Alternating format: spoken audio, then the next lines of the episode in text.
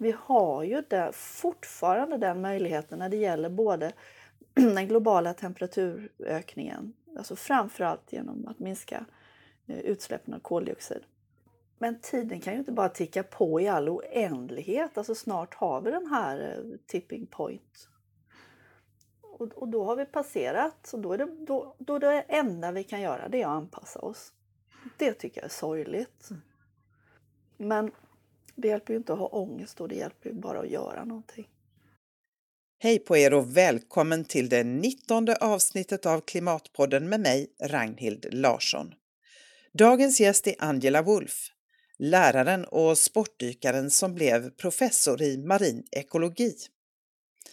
Angela vill rädda världen med sin forskning på alger som producerar nästan hälften av allt syre på jorden. Hon ägnar sig åt att ta reda på hur klimatförändringarna påverkar bakterier och mikroskopiska alger. Angela är också forskningschef på Swedish Algae Factory som vill minska övergödningen och den globala uppvärmningen med hjälp av en nyupptäckt alg. Målet är att vara ledande på biobränsle i Europa 2030. Jag träffade Angela för ett par veckor sedan och vi pratade om passionen för alger, det första mötet med ett isberg, livet som forskare och entreprenör, om alla forskares skyldighet att kunna förklara vad de gör på ett begripligt sätt. Och behovet av mer naturvetenskaplig kunskap hos våra politiker. Och klimatångesten som drivkraft för att jobba ännu hårdare. Mer information om Klimatpodden och Angela Wolf och Algae Factory finns på klimatpodden.se. Och så vill jag rikta ett tack till alla er som lyssnar och hör av er med förslag på gäster och har synpunkter på programmet. Det är guld värt. Och du vet väl förresten att du kan följa och kommentera Klimatpodden på Facebook och Twitter, liksom på Soundcloud. Och du kan prenumerera via iTunes, Acast eller Stitcher och du är förstås väldigt välkommen att recensera och betygsätta podden, till exempel på iTunes. Men nu är det dags för samtalet med Angela Wolf. Vi börjar inne i hennes labb på institutionen för biologi och miljövetenskap på Göteborgs universitet som ligger granne med Botaniska trädgården i Göteborg. Och det fräcka med de här kiselalgerna det är just det här skalet som de har. Så verkligen, eh, eh, jag kan visa dig det också sen med såna här porer. Och så är de så tuffa, de tål ju allting. Så alla de här du vet, små rör och burkar och sånt där, det är sånt som är hämtat från Antarktis.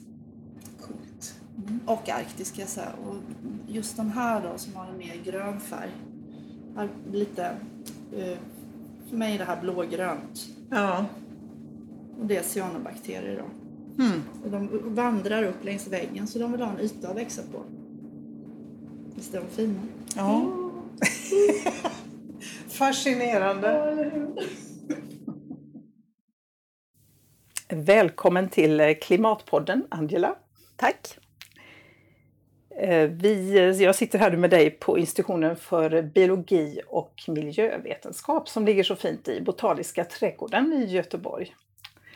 Men jag undrar, vem är Angela Wolf? Oj, ja. Jag tycker det är en bra första fråga. Det är en bra fråga. Vem är Angela Wolf? Yrkesmässigt? Ska vi börja yrkesmässigt? Ja, kan, vi kan börja så. Ja. Jag är professor i marin ekologi med inriktning mot marin botanik. Så det är framförallt alger som är mitt eh, specialområde. Och jag disputerade 1999 och min avhandling handlade om bottenlevande mikroskopiska alger och eh, ett förändrat ljusklimat till följd av uttunnat ozonskikt. Och då, ganska naturligt, kom jag snabbt ner till Antarktis och blev intresserad av de alger som växer där. Så sen ett antal år tillbaka så jobbar jag med klimatförändringars effekter på polara eh, mikroalg och bakterieekosystem men även med algblomningen i Östersjön till exempel. Så jag har lite olika projekt. Och algblomningen i Östersjön består inte av alger utan av cyanobakterier. Okej, okay, det får du säga ganska ofta låter det som. ja. ja, men man kallar dem alltså i skolböcker för blågröna alger. Mm. Men det är inte alger utan det är bakterier, cyanobakterier. Så att Och det är lika lätt att lära sig cyanobakterier, så varför ska man lära sig fel? Ja, det, Ja. det är en bra poäng. Mm. Vi kommer ju komma tillbaka till det här, men jag är lite nyfiken på hur hamnade du här? För du började liksom inte din yrkesbana som forskare, eller man ska säga, ditt yrkesliv. Nej, nej, det gjorde jag inte alls. Utan eh, jag var lärare i idrott och biologi, tvåämneslärare på en högstadieskola och eh, passionerad sportdykare. Och så kände jag att jag ville lära mig mer om vad jag såg under vattenytan. Så då började jag leta efter kurser och då hittade jag en kurs eh, här som handlade om marin biologi på Göteborgs universitet. Och sen så, ja, så hade jag en väldigt inspirerande föreläsare, Kristina Sundbäck, som sen blev min handledare. Och hon undrade om jag var intresserad av att göra ett examensarbete. Det var jag. När jag var färdig med det så undrade hon om jag inte skulle vara intresserad av att doktorera. Och eh, jo då, men eh, jag fortsatte som idrottslärare på halvtid. Och sen så, så tog det här över. Jag fastnade. Vad var det som eh, fick dig att, eh, eller vad är det som är så spännande med det här då, som gjorde att du faktiskt lämnade ditt gamla jobb? Alltså jag, det är hemskt att säga att jag lämnar mitt gamla jobb för jag har faktiskt en stor del av mitt hjärta kvar i undervisning och jag får undervisa även på universitetet. Inte idrott då, men biologi. Ehm, ja, det, är att, alltså, det är lite klyschigt men man får betalt för att vara nyfiken. Och att hela tiden, alltså man, man ser naturen, det är någonting man undrar och så, så ställer man en fråga och så ska man då leta efter svaret på den frågan antingen genom observationer eller designa experiment. Alltså det är det, den kreativa sidan av att vara forskare som jag bara älskar. Alltså Mm. det, är, det är fantastiskt, man är verkligen privilegierad. Och det är ju inget 40 timmar i veckan arbete utan man drivs ju av en, en passion faktiskt. Ja, man lever med det dygnet runt Ja, egentligen då, det gör något man. sätt. Ja. Så den delen bara älskar jag. Det här att eh, byråkratin och skriva ansökningar och sånt, det, det kunde jag gärna hoppa över. Det kan någon annan få sköta. Ja, om det, det, Om det vore så. Det vore jag väldigt glad om någon annan skötte, ja. Det är kanske någon som lyssnar som känner ja, ja, Ja, ja. Eh, Men vad är det som är så spännande med just alger då? jo, alger. Alltså vi talar ju om att ju, regnskogen är jordens lungor. Och vi ska vara rädda om regnskogen, de är, de är bra på väldigt, väldigt många sätt. Men om man talar om lungor i form av syreproducenter så kommer ju hälften av syrgasproduktionen som sker just nu, den kommer från havet. Och då är ju det totalt dominerat av växtplankton, alltså mikroskopiska alger. Så att de har ju en väldigt stor betydelse för jordens ekosystem. Och så är de också basen i näringsväven i havet. Så att havets gräs kan vi kalla det för. Så att har vi inte algblomningar, har vi inte alger så kommer vi heller inte ha fisk. Och inte Nej. marina däggdjur, inte valar, inte, inte något liv i havet. Så där har vi liksom den, den stora, om man sätter det i sitt sammanhang, som vi gärna, människor gärna vill, det ska betyda något och det ska gärna vara värt någonting för oss. Och det kan man ju med fog säga att detta är då. Sen kan jag väl tycka att eh, man måste inte alltid sätta en prislapp på naturen men tyvärr är det det enklaste sättet att eh, kommunicera. Mm. Men hur kommer det sig? Det har varit väldigt stort fokus som du säger då på regnskogar och det har varit, alltså det är ju sånt man minns nästan under sin uppväxt. Ja. Eh, Alltså att det, det alltid har pratats om regnskogen på något sätt, eller inte alltid men under lång tid. Men det har inte alls varit samma fokus på havet och det som händer under vattenytan Mm. på något vis. Men det är ju rätt naturligt, vi ser det inte. Nej. Om vi tittar på det som jag framförallt håller på med, då, alltså mikroskopiskt liv, det ser vi ju inte överhuvudtaget. Nej, Alltså man behöver ju mikroskop för att se det. Och det. Men när man också då tittar i ett mikroskop då öppnar ju sig en helt ny värld och man inser att man, det här är, det, det är en helt annan värld som jag inte ser. Och det är väl också det som jag vill, eh, även när jag har undervisning både för studenter och ute i skolor och även prata med allmänhet, att, att försöka förmedla det här då. Mm. Att det, det är ingenting, det finns liv under ytan men det är också när man tittar på när vi, alltså konst som handlar om havet.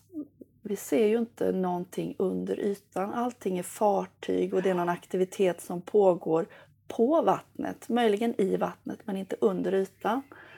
Så vi har ett eh, intressant förhållande till havet och ja, det gäller ju inte bara havet, alltså sjöar och vattendrag också. Mm. Mm. Vad är det du vill uppnå med din forskning? Ja, rädda världen. Helt det, enkelt? Ja, alltså det, det, är faktiskt så att det, man drivs ju...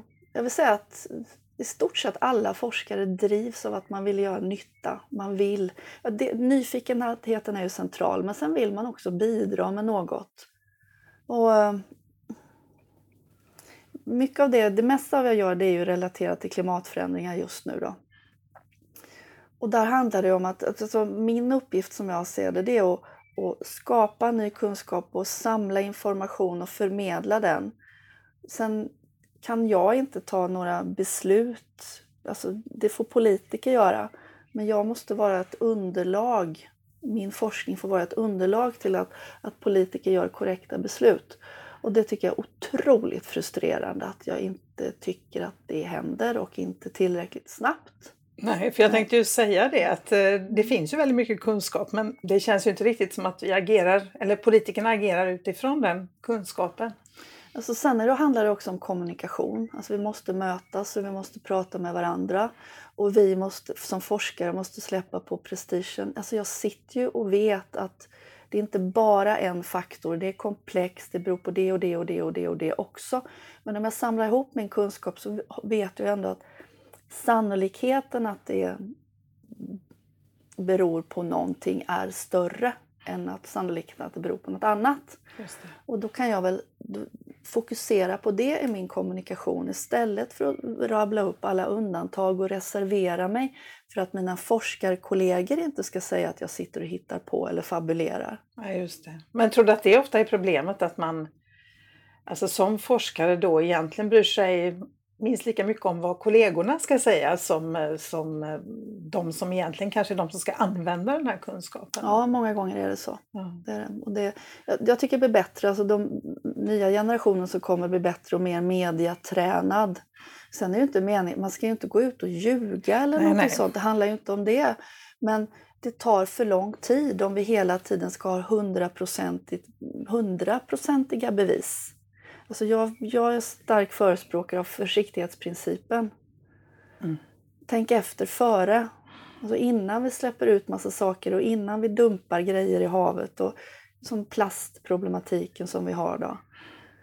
Och innan vi har de här reningarna av fartygsavgaser och dumpar massa försurat vatten i, i våra hav då, så kanske vi borde ha tänkt efter före.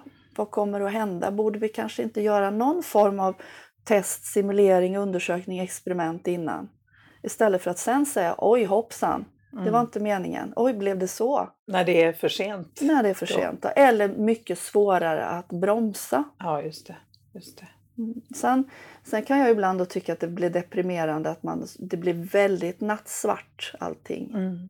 Ja, att jorden går under och så vidare. Men, men eh, det finns ju alltid hopp och det tycker jag också är jätte, jätteviktigt.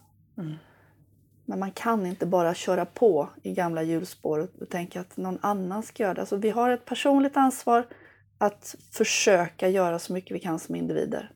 Men det är också så att som individ kan du inte ta ansvar för planeten. Alltså, det måste till. Nej, det är ju väldigt svårt. Ja. Det behövs liksom på den här högre nivån, Ja. och också övergripande nivån, hända mycket mer. Lagar, Ja, överenskommelser, regleringar. Det kanske ska kosta. Mm. Alltså vi har ju, det finns ju många olika forskningsområden där man tittar på sådana här saker. Alltså miljö, psykologi, inte minst. mm. Hur ska, och psykologi, hur ska man göra, hur ska man agera för att människor ska ändra sitt beteende? Och det är bland det svåraste, tänker jag. Beteendeförändringar är ju jätte, jätte Ja, svårt. Samtidigt så går det ju, jag tänker bara på rökningen som det var sånt, nu är det ett enkelt exempel kanske, men jag menar, det sågs ju nästan som omöjligt. Ja. Ska man få människor att sluta röka på krogen? mm. Glöm det, men det gick ju alldeles utmärkt. ja inga problem alls. Nej. Nej, precis. Så att, eh, ja. Men, men det är ju verkligen en balansgång tänker jag mellan det här att måla upp den verkliga bilden som ju är ganska skrämmande. Mm. Eh, utan att man ska bli så nedslagen så att man helt tappar... Och skit i det. Eh, ja exakt, Ja, det spelar ändå ingen att roll vad göra någonting. Nej Mm. precis. Mm. Men det är också, jag brukar ta det här exemplet med, jag är ändå marinbiolog. Jag kan också stå 20 minuter framför frysen i affären och inte fatta vilken fisk jag vågar köpa. Mm. Och det ska inte behöva vara så, för den fisken som jag inte ska köpa ska inte finnas i frysdisken. Nej, just det. Punkt. Man borde göra det mycket enklare för konsumenter helt enkelt Ja. då, i det fallet. Ja. Man talar om konsumentansvar och att man är, man är som en vakt, maktfaktor som konsument men det räcker inte. Nej. Det, det ska inte vara där. Det ska inte ta mig 20 minuter. Ja, jag håller med. Vilken är den viktigaste frågan som du vill eh, ha svar på just nu i din, din forskning? Det du håller på med? Mm. Ja, just nu så Um, har jag varit väldigt intresserad en, en tid tillbaka av alger. Och um, det är ett väldigt, väldigt spännande eget litet ekosystem för de lever verkligen i isen, i kanaler i isen. Och de är utsatta för väldigt stora variationer i salthalt, temperatur, ljus över sin alltså över livscykel, en säsong kan man säga. Um, nu delar de ju sig var tredje dag så att det är ju en klon som... Det är ju samma. De förökar ju sig inte sexuellt i isen, vad jag vet.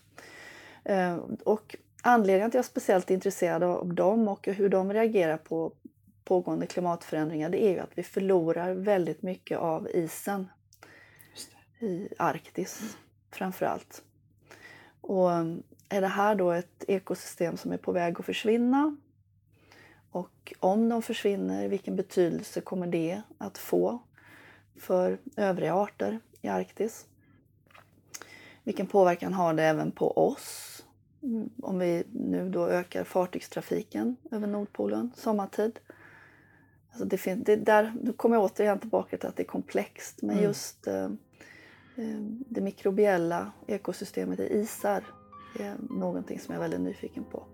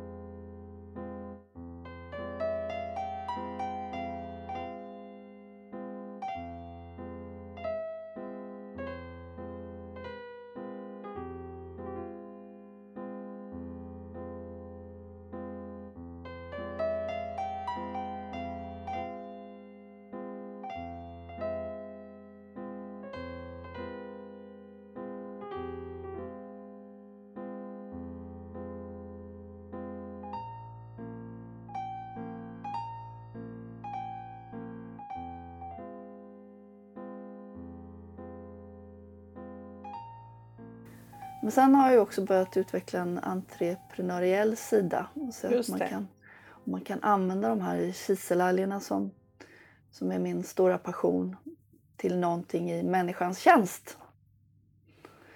Och det, det tycker jag också, det är en ny värld för mig. Ja, och hur började det? Ja, det, börjar, det börjar så banalt som att jag bara står och tittar för många, många år sedan och tänker de här de klarar att leva i, minusgrader, de förökar sig, de delar sig i minusgrader. De är ibland utsatta för UV-strålning när isen, isarna vänds upp på våren och ibland så är det nästan totalt mörker. Och salthalten varierar från betydligt mer än i Döda havet till nästan noll och de klar, samma art klarar ändå att överleva. Och så pratar vi om biodiesel och att man ska använda alger till biobränsle. Borde inte de här kunna vara en god kandidat? Tänkte jag. Och sen så började jag försiktigt och höra mig för och prata runt lite och sen såg vi också i undersökningen att de innehåller mycket fleromättade fettsyror när de växer kallt, alltså omega-3. Olika typer av fleromättade fettsyror men omega-3 brukar man använda som ett sånt populärt namn. Och de här är ju också ursprunget till de här fettsyrorna. Det, det, är de, det är alger som bildar dem från början. Mm. Och så, då började jag tänka på det också, så här, men den delen och biobränsle och det är kallt här uppe i Norden och det är mörkt. Tänk om man kunde hålla en sån här bioreaktor igång även vintertid. Så började det. Så det Mm. började liksom bara med en idé och så låg den i byrålådan och så pratade jag lite olika människor. Så var det någon som sa till mig, du borde testa den idén med göra en sån här ID evaluation på Chalmers. En kurs alltså helt enkelt. Ja, låt, Ja. låt studenter ta hand om det här och se om det kan vara något. Och så nappade några studenter på det, bland annat Sofie då, som är min kollega i Swedish Algae Factory. Och sen så var det jättehärlig rapport och vi klickade väldigt bra. Så då, nej, kan du inte ta med dig till entreprenörsskolan på Chalmers? Och då fick de arbeta med det under betydligt längre tid. Och det, match made in heaven. Och när var detta i tid? Ja du, det, det måste vara två, två, tre år sedan nu. Tiden går fort. Ja. Och nu arbetar vi, nu har vi släppt biobränslespåret tillfälligtvis. Och det handlar mest om att eh, oljepriserna är så låga så att vi har svårt att få både bidrag och få igång det. Mm. Eländes elände. Det är alltid pengar. Ja. Mm. Men vi pratade mycket om att, eller fick också mycket råd att man måste ha en kortsiktig affär också för att räkna hem en affär. Mm.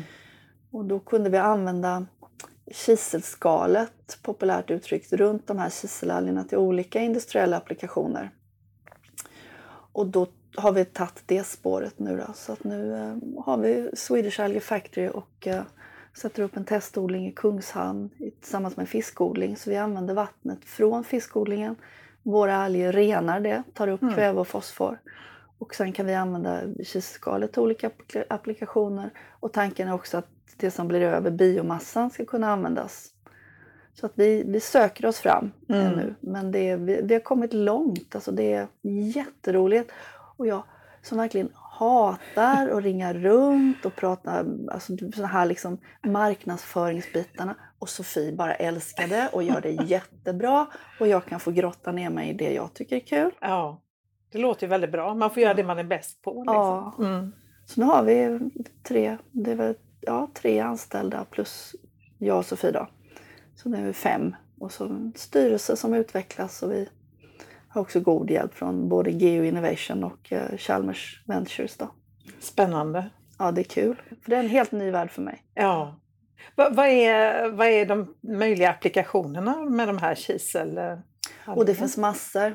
Eh, vad vi just nu eh, tittar närmare på det är om, om och hur de kan användas till att förbättra solceller.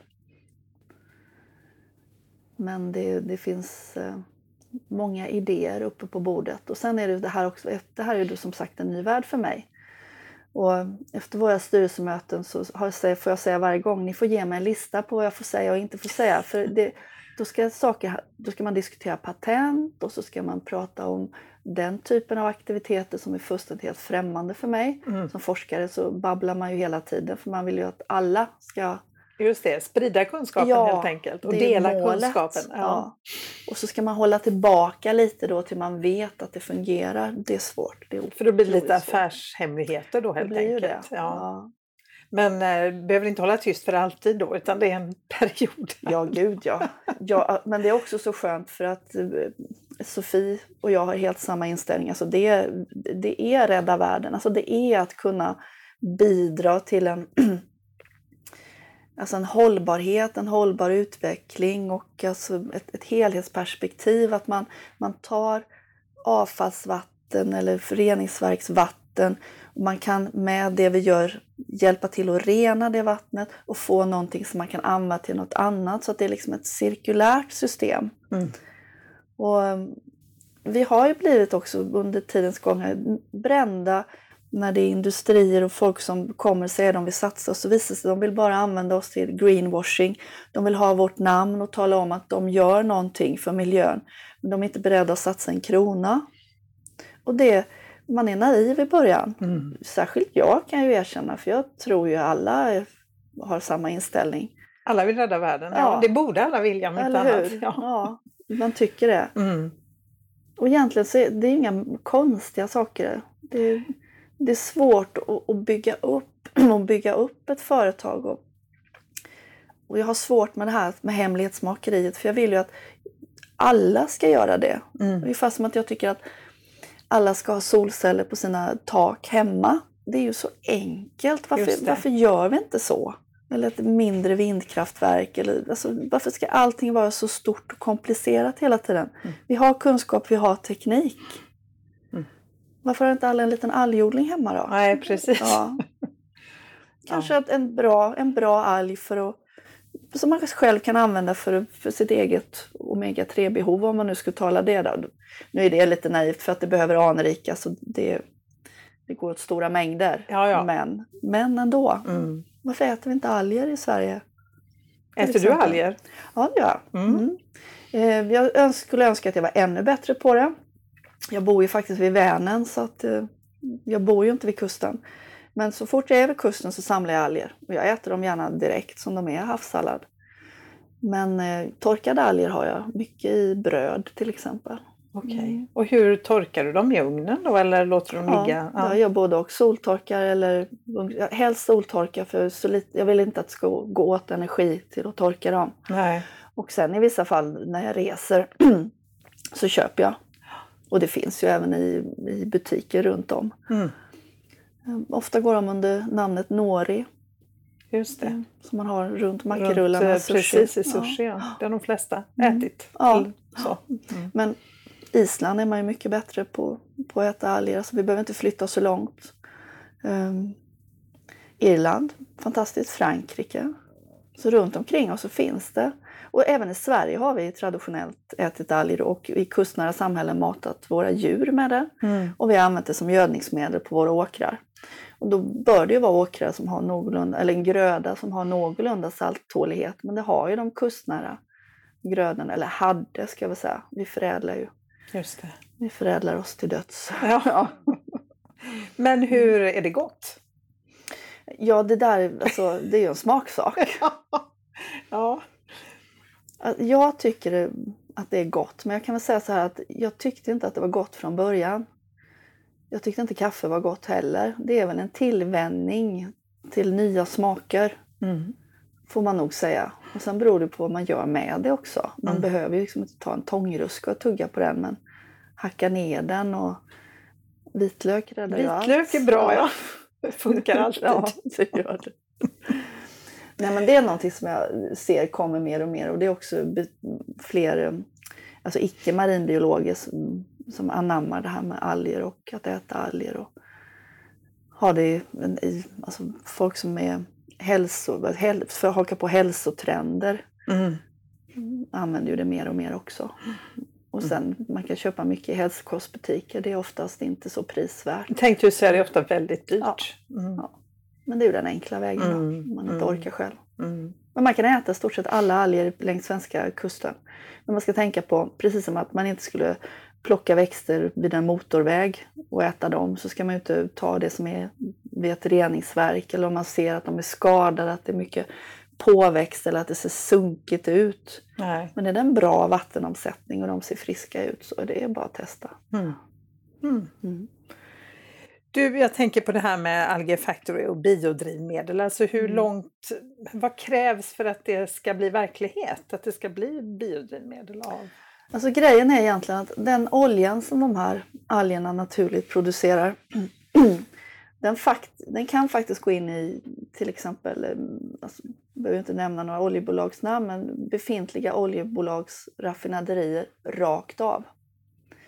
Så att det är inget konstigt, det krävs inte någon stor omställning. Vad som krävs det är en vilja. Det krävs att man bygger upp produktionsanläggningar bioreaktorer till exempel, alltså där man odlar algerna och sen så får in får processerna och transporterna, alltså den här delen av det. Att det är det som krävs att man bygger upp. Mm. Tekniken finns där, men eftersom det inte är i stor produktion så är det nu inte konkurrenskraftigt prismässigt om man räknar vad det kostar för konsumenten att tanka med det. Men skulle man räkna både samhällsekonomiskt och man tittar på vad, vad utsläpp, vad avgaser gör.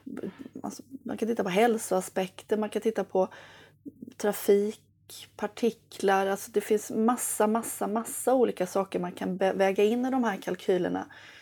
Då kanske det i själva verket är billigare än att använda fossila drivmedel. Mm. Men det handlar hela tiden om vad, vi, vad vill vi? Mm. Ja. Det är det det bottnar i så att säga. Ja. Och hur man räknar som du säger. Mm. Alltså samhällsekonomiskt och i det stora så blir det ju väldigt... Eh, ja, och så säger du så går oljepriserna ner. Mm. Och då är det ju kört. Mm. Och samtidigt som vi säger att vi måste sluta. Jajamän. Och jag är väl inte sämre än någon annan. Jag sitter väl också och gnäller när bensinpriset går upp med två kronor. Och bor på landet, synd om mig och, och så vidare. och så vidare. Måste ha bil, måste ha två bilar. Och, alltså det, det, det blir ju lite löjligt. Mm. Mm. Men om man då... Vi kanske skulle sponsra det. Ja, just det. Biodrivmedel i större utsträckning. Sponsra miljöbilar. Mm. För att få den där effekten. Och sen är det, inte, det är ju inte så här att allt drivmedel ska vara algbaserat. Det nej, kanske nej. ska ha 1 2% 10% av det. För det krävs många lösningar, eller hur? Ja. ja. Och det, det, är också det som jag tycker är... Vi har fokuserat väldigt mycket på en lösning och så ser vi, ser vi bara den. Mm. Vi ser inte träden i skogen. Nej. Eller skogen för bara träd. Alltså det, det blir... Vi är dumma.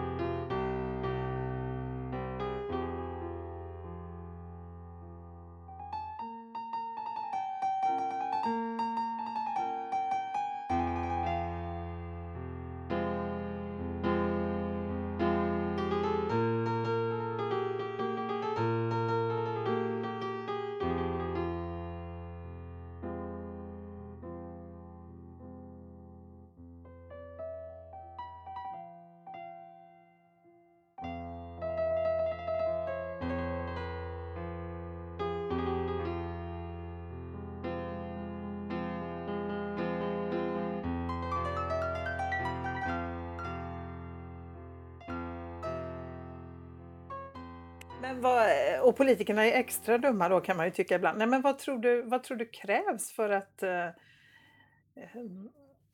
det ska bli någon fart på politikerna? Att de verkligen börjar fatta de här besluten som ändå krävs. Det känns ju som att det går så mm. extremt långsamt och vi är fullt upptagna med att diskutera hur vi ska hälsa på varandra och ja. alltså helt andra saker. Alltså en sak som jag, som jag tycker är lite tragisk eh, när det gäller våra politiker om man tittar även på, på vår regering så kan man roa sig med att räkna hur många har naturvetenskaplig bakgrund, hur många har en naturvetenskaplig kunskap. Att titta bara på Miljöpartiet, där tror man att det är många naturvetare. Icke sa Nicke. Det, så att, det faller också tillbaka på oss som är naturvetare. Varför är det så få naturvetare som satsar på en politisk karriär? Mm.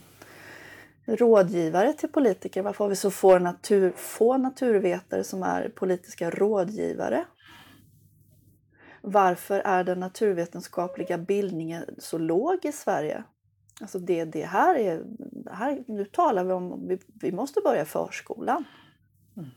Våra förskollärare måste ha en bättre naturvetenskaplig bildning. Och inte satsa bara på relationer eller samhällsvetenskap och, och kultur och så. Det är jätteviktigt det också, det är inte så, det är inte det jag menar. utan men vi glömmer naturvetenskapen. Vi tror hela tiden att det är svårt, komplicerat och det är bara ett fåtal människor förunnat att begripa. Ja, men så är det inte. Men vad beror den föreställningen på då? För den, den känns ju som att man har, får med sig väldigt tidigt. Ja. i livet. Ja, jag har funderat mycket på det här. Det är de smarta om... människorna som blir naturvetare. Vi andra vi blir humanister. Ja, det är ju så, det är ju så sjukt. För ja. det, Ja, jag har faktiskt tänkt mycket på var den här myten, mytbildningen kommer ifrån. Och vi är säkert skyldiga själva också att eh, många riktigt duktiga naturvetare är ju inte så socialt kompetenta heller. Det kanske finns någonting där då, att det, att det har blivit någon mytbildning när man har sett de här Nobelpristagarna och framstående forskarna som, som är socialt inkompetenta. Det kanske finns någonstans där då. Mm. Men det, det är nog inte, det är absolut inte hela sanningen heller. Men jag tror att det är väldigt, eller inte tror, jag är övertygad om att det är väldigt viktigt att man liksom driver på det här. Och också ser det här att, att politiker måste ta till sig den kunskapen. Och då har ju vi som forskare ett ansvar att också förmedla den kunskapen på ett sådant sätt att man kan kommunicera med varandra. Mm. Och inte gömma oss bakom krångliga ord och begrepp. Vi måste jobba med det också. Det är, det är svårt. Men vad krävs för att det ska bli verklighet då? Mötesplatser. Ibland påtvingade. Alltså det är ungefär som när man talar, tycker jag, när man talar om jämställdhet och kvotering och man talar män kvinnor då, att man kvoterar in kvinnor i styrelser. Det tror jag är jättebra mm. för, att, för att få en start. Just det. Sen, sen är inte det meningen att det ska vara på det sättet, men för att få en förändring så måste man ibland tvinga in mm. förändringen. Och jag tror att det även här är så. Så kvotera in lite naturvetare i politiken och ja. Eh, på olika viktiga positioner på mm. sätt. Då. Ja. Precis, och det var lite grann också där jag ser min roll nu med det här med innovation och entreprenörskap också. Att jag tyckte inte det var så himla roligt Nej, jag tycker att det är mycket roligare att gå in i termokonstansrummet och plocka lite alger och sätta mig i mikroskopet och titta på dem och fascineras och grotta ner mig. Verkligen. Här, mm. Jag ser det här bruna slemmet och bara älskar det. och sparar på olika typer av brunt slem lite här och där. låter ju hemskt. men men, men alltså det, är, det är också min plikt och, att vara samhällsnyttig. Mm. Det är det. Och sen så tycker jag att alla forskare behöver inte vara det. Men majoriteten av oss bör faktiskt vara det. Mm. Och då bör det ju komma in redan, tänker jag, under forskarutbildningen, alltså när man doktorerar, eller helst ja, ännu tidigare ännu kanske. Tidigare. Jag skulle säga ännu tidigare. Ja. Kommunikation, alltså hur man för fram idéer, hur man för fram sina forskningsresultat och göra det på ett enkelt sätt. Att man vet vilken publik man vänder sig till. Man kan vara väldigt sofistikerad och nördig på vetenskapliga konferenser. Men sen ska, när man kommunicerar med press och allmänhet, förenkla, förenkla, förenkla. Var engagerad, passionerad, intresseväckande. Mm. Och hela tiden, det här är inte svårt. Nej, just det. Man, hela, alltså, var, var hände det? Det är är det något förskolebarn som tycker att det är svårt att gå ut i naturen och titta på skogen och lära sig vad växter heter och hur det hänger ihop med nedbrytning och maskar och titta på havet och hålla i saker? Nej, men någonstans på vägen. Mm. Och det, det, det, det är konstigt. Ja, men, det, men bygger du, jag tänker på, för du verkar ju ändå eh, intresserad av detta, att berätta om din mm. forskning och vad du, vad är, vad är det som gör att du eh, har den förmågan då tror du, eller är intresserad av det? Är det, det, det, man kan ju ibland få känslan med att det är någon sorts, att man, man har en naturlig läggning, alltså man är, ja. man är sån som person, att man mm. tycker det är roligt att berätta och mm.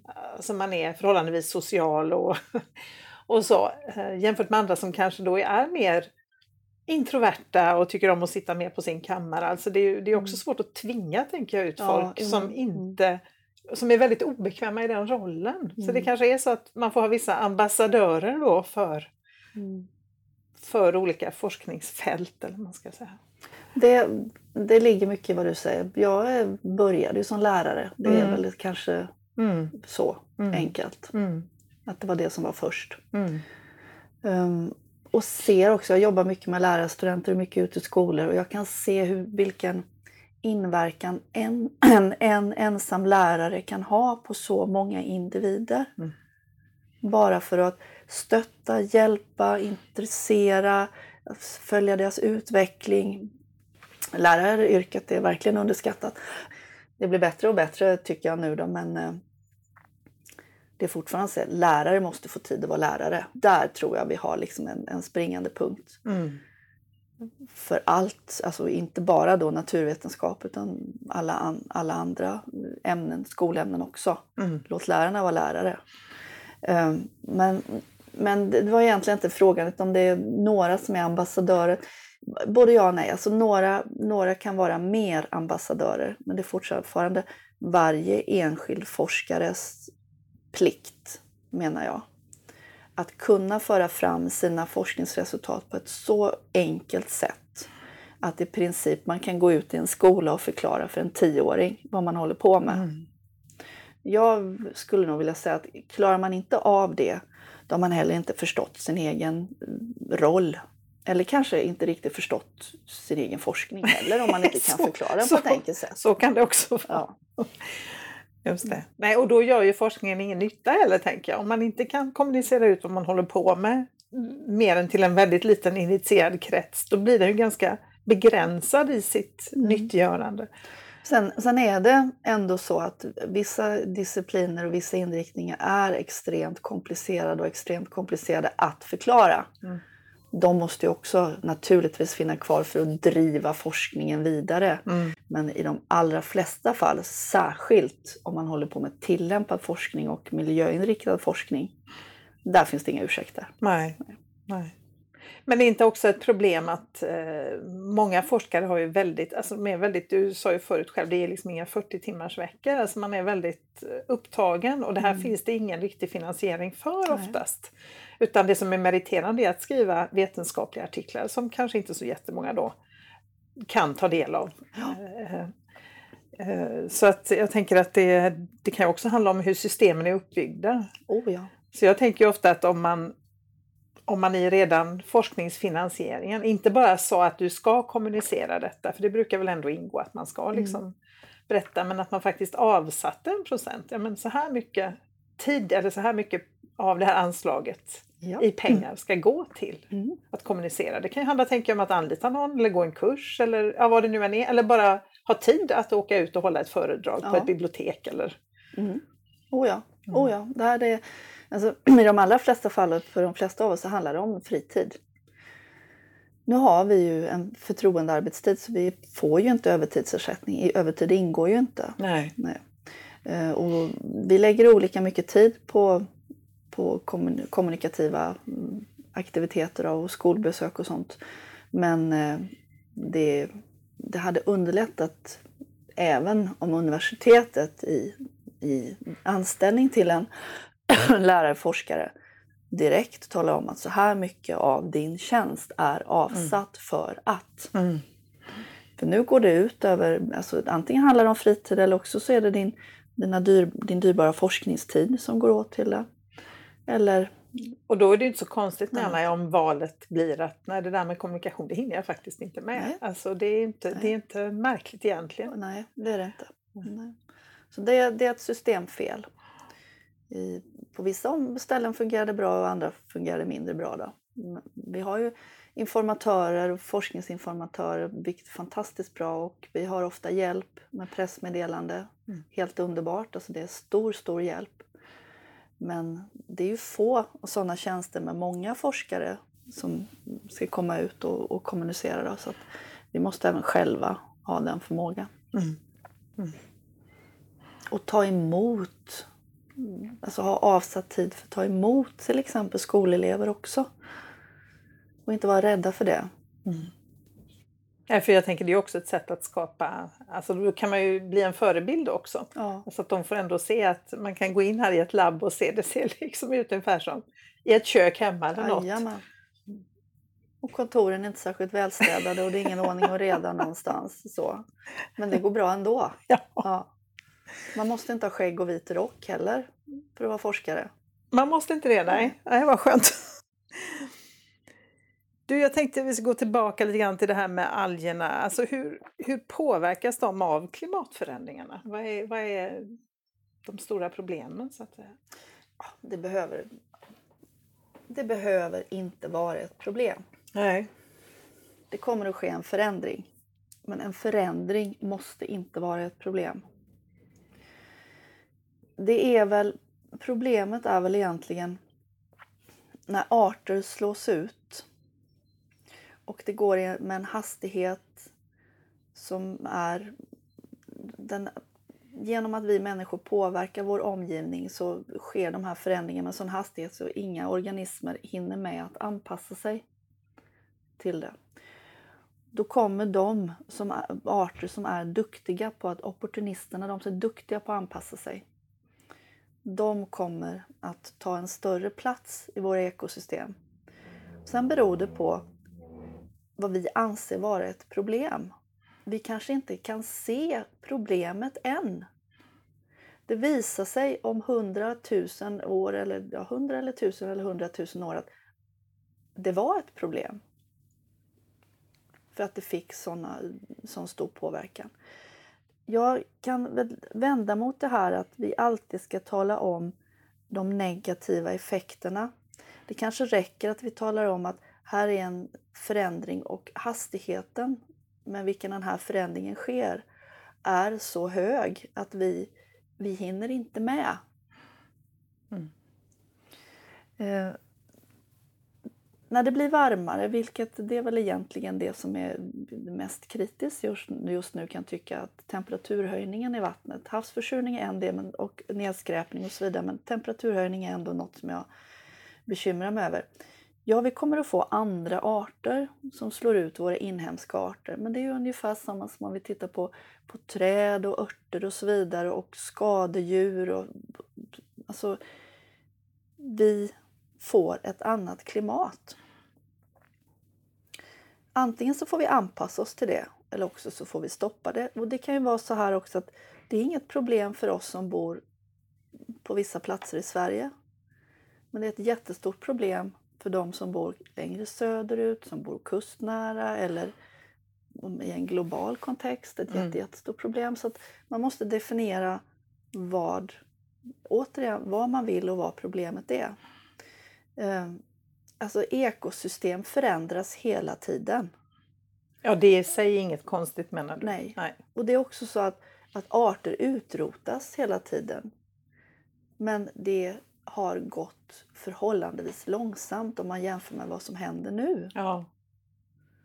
Och jag kan återigen tycka istället för det här kortsiktiga ekonomiska och personliga vinningen att det var persons rättighet att åka på semester i Thailand x veckor varje år. Ja, vad är konsekvenserna för dina barn, för dina barnbarn, för dina barnbarns barn att du ansåg att det var din mänskliga rättighet att spendera x veckor i, i semesterort? Mm. Det handlar väl egentligen mycket om mm, kanske solidaritet igen. Och det, vi behöver väl inte ha ett, det behöver inte vara ett sämre liv för det. Nej, verkligen inte. Verkligen inte. Att man tänker efter. Mm. Ja, det var ett långt svar på en fråga. Jag kommer knappt ihåg vad jag Vi började med vad det var för problem för algerna. Ja, just det. För vissa alger är det ett problem och för andra är det bara jippi jippi.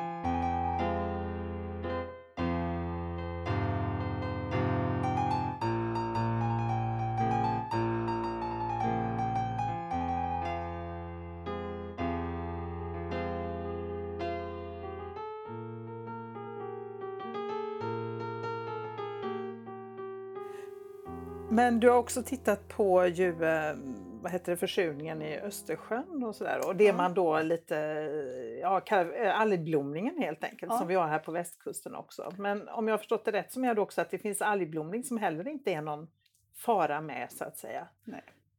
Alltså algblomningar som, man, som det är någon fara med. Det är när det, vi har giftiga arter. Och eh, de gifterna anrikas i musslor, i fisk och vi, sen äter det. Då. Eh, och vi har inga gifter. vi har väldigt små mängder av gifter som är direkt dödliga för oss människor i Sverige talar vi nu om. Man har giftiga algblomningar runt om i världen där man faktiskt dör av att äta en fisk som har ätit eh, andra djur som har anrikat de här gifterna. Då. Vi har framförallt fortfarande mest diarrégifter i musslor. Men då är det ju ett problem och då är det återigen ett problem för oss. Och massförekomster är ju sällan nyttigt. Och när det blir så mycket alger, framförallt på grund av, av för mycket näringsämnen i Östersjön och, och de här cyanobakterierna som blommar på sommaren, då är det så att när det inte finns djur som kan äta upp dem, då dör de. Och då ska det brytas ner på något sätt, vanligtvis av bakterier. Det är precis som sker i våra komposter och allting. Då, då går det åt syre. Och i den här nedbrytningen går det åt så mycket syre så att efterhand som det då sjunker ner på botten så blir det så småningom syrefria bottnar. Och då blir det döda bottnar. Mm. Så där är ett sånt problem. Och det här är ett kustnära problem. För de öppna haven är näringsfattiga. Så hade vi haft, vilket jag tycker är oetiskt, men dock, hade vi haft en jättelång pipeline där vi bara forsar ut vårt bajsvatten Ja, och från jordbruk överskott av näringsämnen så hade det inte varit något större problem. mm. Men det är väl ungefär lika etiskt som att säga att vi ska skicka våra sopor ut i rymden. ja, ja. Ja. Utan det är att det är koncentrationen då helt enkelt. ja. ja. Nära kusterna. Mm. Mm. Och sen så är det ju också då att åh vad äckligt det är. Mm. Mm. Det ligger alger på stranden och ruttnar och ute i vattnet är det för mycket växtplankton och det är grumligt. Och ett kristallklart vatten är ju dött vatten. Mm. Det kan man ju också tänka på. Mm. Det är intressant. Ja. Ja. det tänker man inte så ofta Lagom är på. bäst. Mm. Verkligen. Jag tänker det här när du har varit ute då och eh, varit både i Arktis och Antarktis. Kan du inte berätta, när var du första gången ute på en sån här eh, expedition? Mm. Det var 1997. Och vad skulle ni ta Då reda på då? vi, ehm, då skulle vi faktiskt ner till, vi flög ner till Sydafrika, Kapstaden och gick på ett fartyg där för vidare transport ner till Antarktis. Och då var det mycket grundforskning, vi tog mycket prover under vägen ner. Eh, jag hade fokus på UV-strålningens effekter, ett uttunnat ozonskikt och det påverkade alger, växtplankton framför allt. Och eh, sen hade vi kemister ombord som hade lite olika att titta på. Kolomsättning, kolcykel, eh, ja, bakterier. De påverkades av olika parametrar men också vilka arter som fanns där. Och väldigt stor och komplex expedition helt enkelt. Man mår jätteilla, jag blir jättelätt sjösjuk, jag har förfärligt med vågorna. Och sen, jag var sjösjuk innan vi hade lämnat hamnen kan jag säga. Jag sov 15 timmar. Sen var jag inte sjösjuk mer. Och sen var det ordentliga vågor. Så att eh, jag brukar säga att det handlar om inställning även där.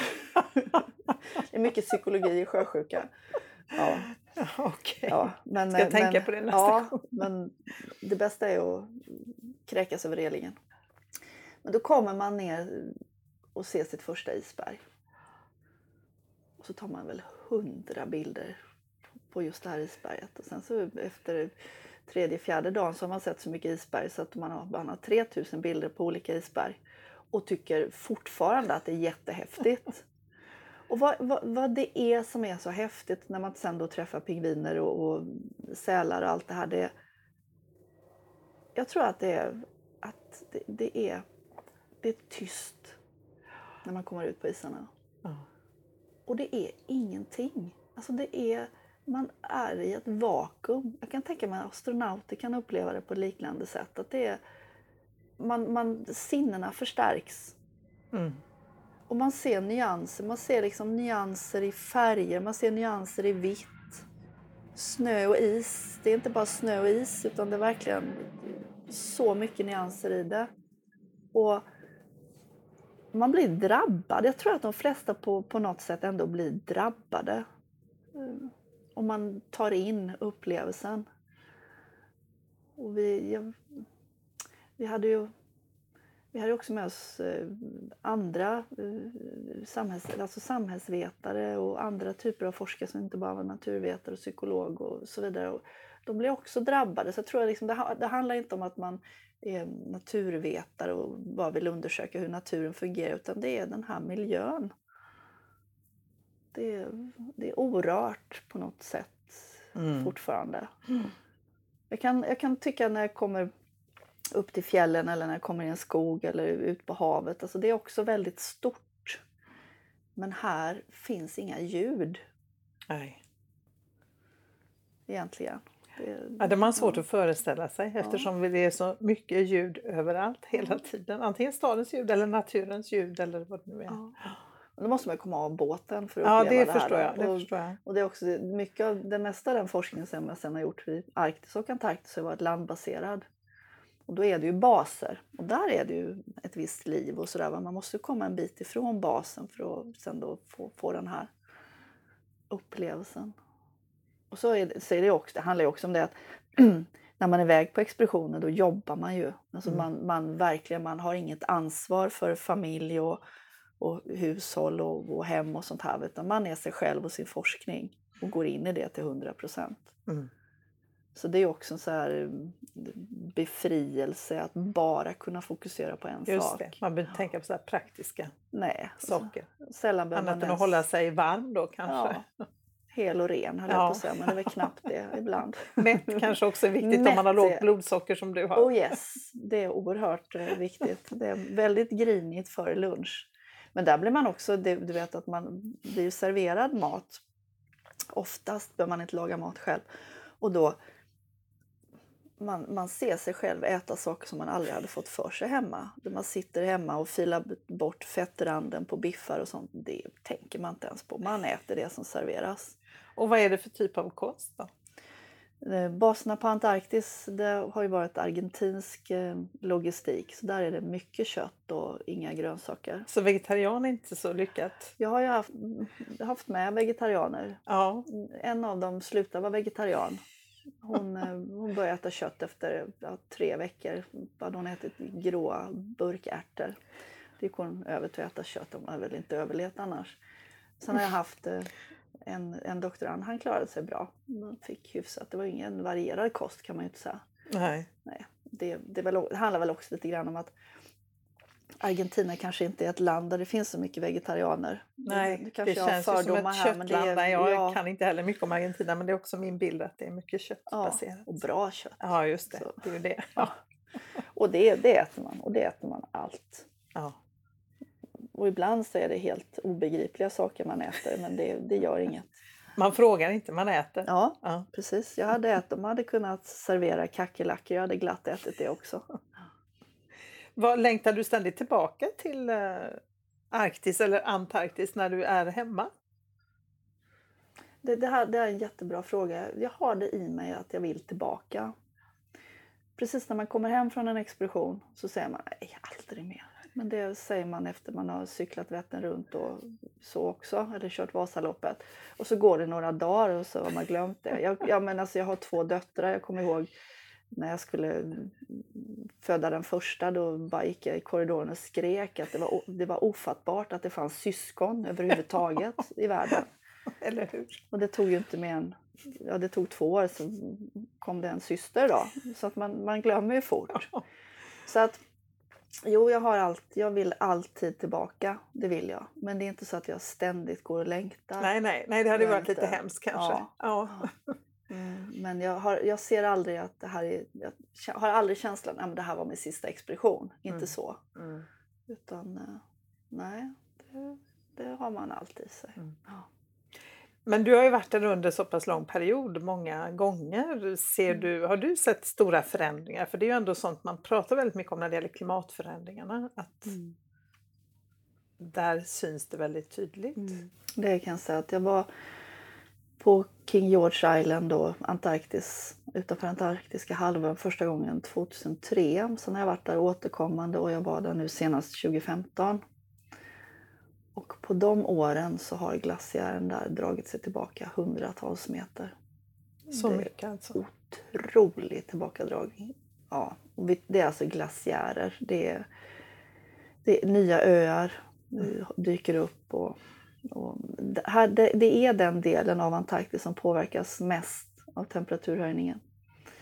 Och så fort som det går där så måste jag säga att det är skrämmande. Det är det.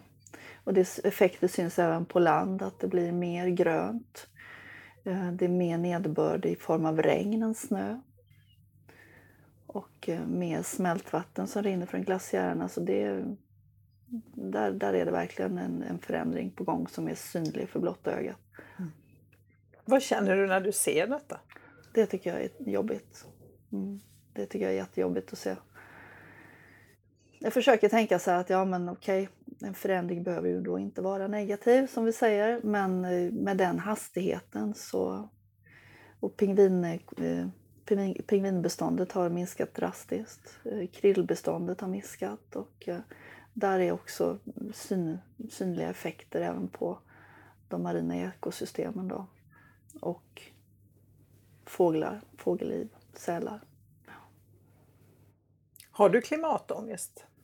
Åh, det är en så bra fråga. Ibland har jag det. Ja. Ibland har jag det på riktigt. Att jag tycker det.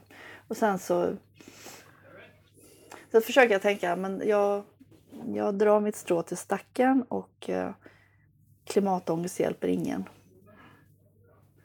Och då slår jag det ifrån mig, men, men av och till så tycker jag Hur yttrar sig den? Ja. Ibland så yttrar det sig med att jag faktiskt eh, att jag jobbar hårdare. Ehm, att jag tar mer uppdrag som, som handlar om att vara ute i skolor och prata. Att jag liksom mer, jag blir mer kommunikativ. att jag tar det mer på allvar. Det, så kan jag säga. Det, det, är en, det är nog den mest påtagbara effekten. Mm. Och då hjälper det att göra så att Ja. säga. Att du känner att du gör någonting. För jag tror det är nästan samtliga jag intervjuat när jag ställer den frågan så är det nog så att de flesta säger ju att de har det då till och från men också att det som hjälper är att göra oavsett om det handlar om att skriva en pjäs som handlar om klimatförändringarna eller någonting annat. Men att agera hjälper, att träffa andra Ja. som delar denna oro och göra någonting tillsammans. Att just, men inte bara sitta hemma själv med sin oro och inte kunna Nej. för det är väl det som ger en ångest. Ken? Mm, ja, men ab- ab- Att det här att man bara... Usch, det är något obehagligt som händer och jag vet Mm. inte vad jag ska göra åt det. Men Mm. att... Men, alltså jag brukar också ta exempel. Vi lyckades med Montrealprotokollet när det gällde att stoppa ozonförstörande kemikalier. Eller stoppa kan man inte säga, men minska. Och ozonlagret återhämtar sig. Alltså där ser vi en, en direkt effekt av att vi har gjort någonting och det har blivit en förbättring. Vi har ju där fortfarande den möjligheten när det gäller både den globala temperaturökningen, alltså framförallt genom att minska eh, utsläppen av koldioxid. Eh, Men tiden kan ju inte bara ticka på i all oändlighet. Alltså snart har vi den här eh, tipping point. Och, och då har vi passerat. Så då är, det, då, då det enda vi kan göra det är att anpassa oss. Mm. Det tycker jag är sorgligt. Mm. Men det hjälper ju inte att ha ångest då, det hjälper ju bara att göra någonting. Men det är kanske lite grann så att jag hanterar det mesta som jag tycker är jobbigt, att man måste göra någonting. Mm. Oavsett vad det är, gör något. Ja. Ja. Vad känner du rent sådär generellt eh, alltså, pess, optimistisk inför framtiden eller känner du dig pessimistisk? Och jag fick frågan inför det här senaste klimatmötet då är jag rätt pessimistisk. Sen skrev de i alla fall under på någonting. Och sen då blev jag så här, ja men vad hjälper det att skriva under någonting om man inte gör något? Ja. Så var, från att ha varit pessimistisk till lite optimistisk så blev jag rätt pessimistisk igen då. Mm. Och speciellt så blir jag frustrerad. Jag blir frustrerad och pessimistisk när jag hör människor ta plats i media och sitta och säga att det här är ingenting och forskarna bara hittar på och det är inget att bry sig om och så bara köra på, köra på, köra på, tjäna pengar, pengar, pengar, pengar, pengar hela tiden. Eh, då blir jag jättepessimistisk och sen tänker jag, ja men det kan ju inte vara majoriteten som tänker så. Och så går jag ut i en skola och så träffar jag skolelever som gör fantastiska projekt, engagerar sig, påverkar sina föräldrar, förskolebarn som går hem och talar om vad man ska göra hemma. Då blir jag jätteoptimistisk och glad igen då. Mm. Så att det, det, där, det där växlar, om inte vecka för vecka så i alla fall månad för månad. Mm. Och jag kan inte eh, ha en pessimistisk framtidstro för det, det, alltså det, det går ju inte. Det kan man ju inte leva med. Nej, det blir lite svårt. Då blir det Då blir det svårt. Då orkar man inte Nej. handla heller till Nej. slut ju. Så man Då- måste det, ju... det är passiviserande. Ja, det är det ju. Sen får man ju jobba också med, jag menar, jag har också tonåringar hemma med, som alltid ska ha ny mobiltelefon. Alltså man måste ju även jobba nära. Och som, som har fantastiska argument och miljöargument och kan tala om saker men ändå inte sätter det i samband med att jag kanske inte ska ha en ny Nej. mobiltelefon. Men där kan jag ändå också tycka ibland att okej, vissa perioder i livet när man har väldigt små barn och skapar ett blöjberg. Mm. Ja, men du kanske får vara miljöbov under ett par år då. Mm. Fine. Mm. Och så tar du igen det sen. Och så har du dina tonåringar som är krävande och jobbiga under några år och inte har någon direkt eh, konsekvensbeskrivning när det gäller sitt eget handlande. Bara när det gäller alla andras. Jo, så. precis. Ja, men det är en fas de ska igenom. Så att om man då sen summerar livet en 70-80 år så kanske man då åtminstone under merparten av det livet kan ha varit en, en ansvarstagande samhällsmedborgare. Ja. Och sen är det ju väldigt svårt, det är ju i princip omöjligt att leva utan ett klim- att göra ett klimatavtryck. Alltså det Oh, går ja. ju inte Nej, eftersom nej. vi lever i en kontext liksom, där Ja. det är... Och det har vi ju alltid gjort. Människan har ju alltid Jag förstört sin miljö Jo, runt jo, omkring sig. ju. Vad vi än har gjort. Så är det alltså. Eh, Men alltså, det behöver ju inte vara ett problem i det stora Nej, hela. nej. Ibland är jag väl kanske i mina riktigt svarta stunder mer seriöst bekymrad över befolkningsökningen på jorden än någonting annat. Mm. Men eh, Men är det inte Rosling som säger att den Hans Rosling som säger att den avstannar? jo, va? jag Ja. hoppas att han har, sant, att Ja, han har rätt, att det är sant. Ja. Jag, kan, jag har ju inte detaljgranskat hans eh, data. Nej. Men eh, jag hoppas verkligen. Mm. Och jag, där tror jag stenhårt på utbildning och utbildning av framförallt flickor. Att det är kvinnor. Ja, det verkar Mm. vara nyckeln till mycket. Att det minskar då Mm. antalet, alltså minskar befolkningstillväxten. Mm. Mm. Så det, det är okej. Då kanske vi har det under kontroll då. Och sen ska vi då försöka få en rättvisare fördelning av resurserna. Precis. Lever du själv klimatsmart? Nu har du pratat om dina tonårsbarn här. Ja, Hur? Jag har ett minimalt klädkonto kan Ja, vi säga. ja. Nej, men jag, jag, tänker, jag tänker på vad jag gör. Men ja, jag har, eh, vi har två bilar. Vi bor på landet. Vi reser åt olika håll och vi har ingen kollektivtrafik där vi bor. Men jag tar bilen till, till närmsta järnvägsstation och sen tar jag tåget och sen tar jag spårvagnen. Så jag åker kollektivt. Mm.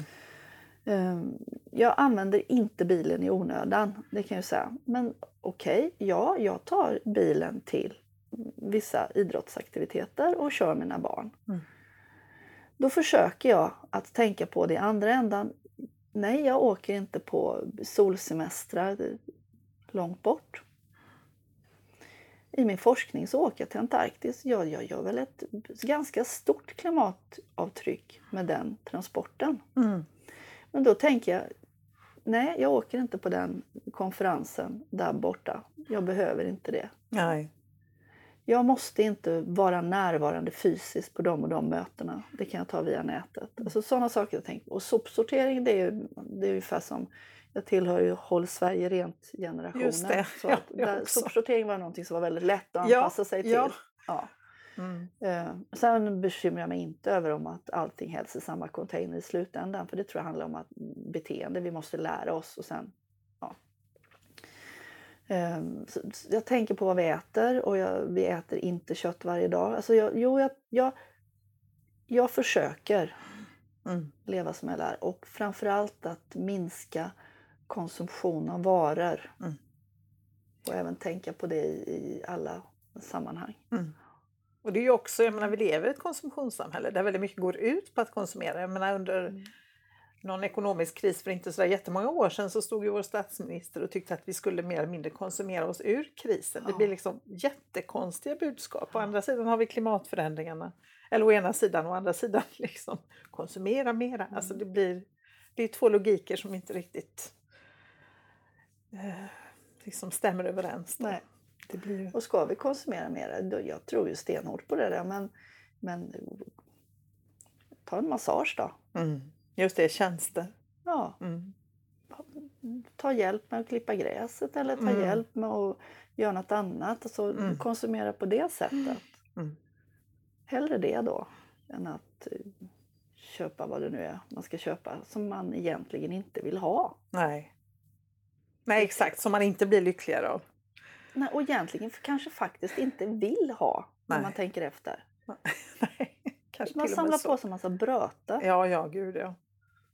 Som man sen ska ägna tid åt att hålla på med. Damma. Damma.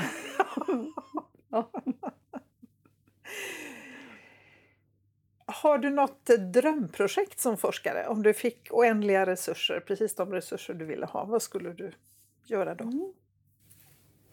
Just nu, men det, då handlar det mycket om det här med Swedish Algae Factory. Mm. Då, då skulle jag verkligen vilja göra en sån här ordentlig screening, isolera många olika kiselalgsarter, ehm, studera tillväxt och hur man kan optimera deras tillväxtförhållanden för att nyttiggöra dem.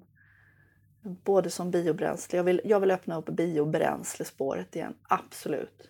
Men också kiselapplikationerna. Där, där och i den väldigt extremt tillämpade forskningen så, så skulle jag också då få med grundforskning som jag tycker är så spännande också. Alltså bara nyfikenhetsdriven forskning. Så där är det, det är kiselalgerna och också sen som nummer två då är det, då är det isekosystemen. Och då är det väl Grönland just nu som jag tycker skulle vara spännande att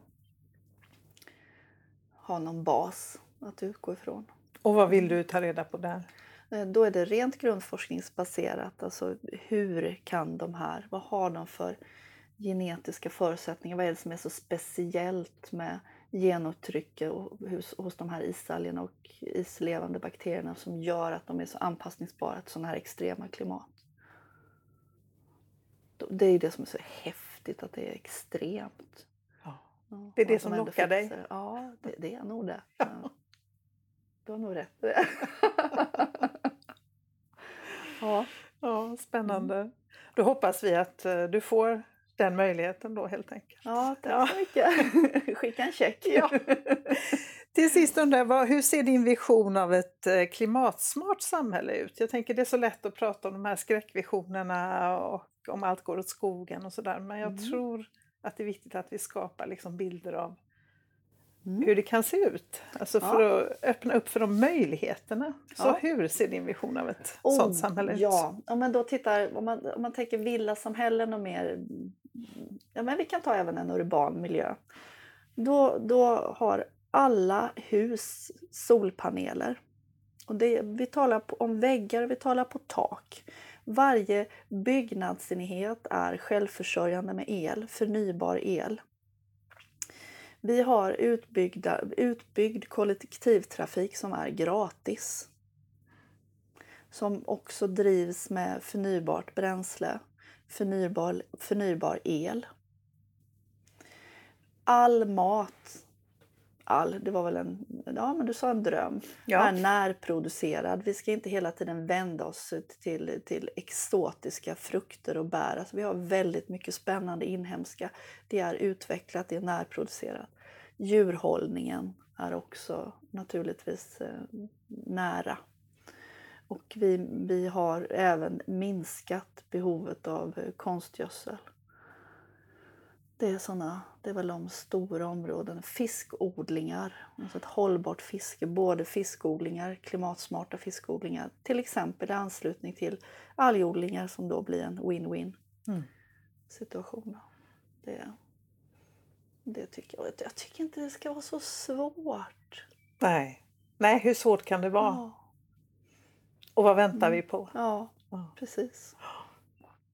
Ja, men du, du gör ju ditt för att dra ditt stå till sträcken här på ett väldigt bra sätt. Så eh, ja, jag önskar dig lycka till med Ja. dina framtida projekt och resor och eh, ja, forskning och att få ut det här och inte minst med Alge Project eller Alge Factory, Swedish Alge Factory så att det också blir en framgång.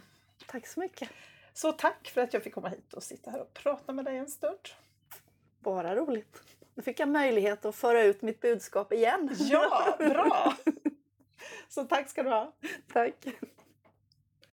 Du har lyssnat på Klimatpodden med mig, Ragnhild Larsson. Dagens gäst var Angela Wolf. Du hittar mer information om Angela och om Klimatpodden på hemsidan klimatpodden.se.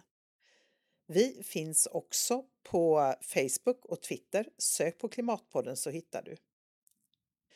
Du hittar mer information om Angela Wolf och om Algae Factory och om Klimatpodden på hemsidan klimatpodden.se.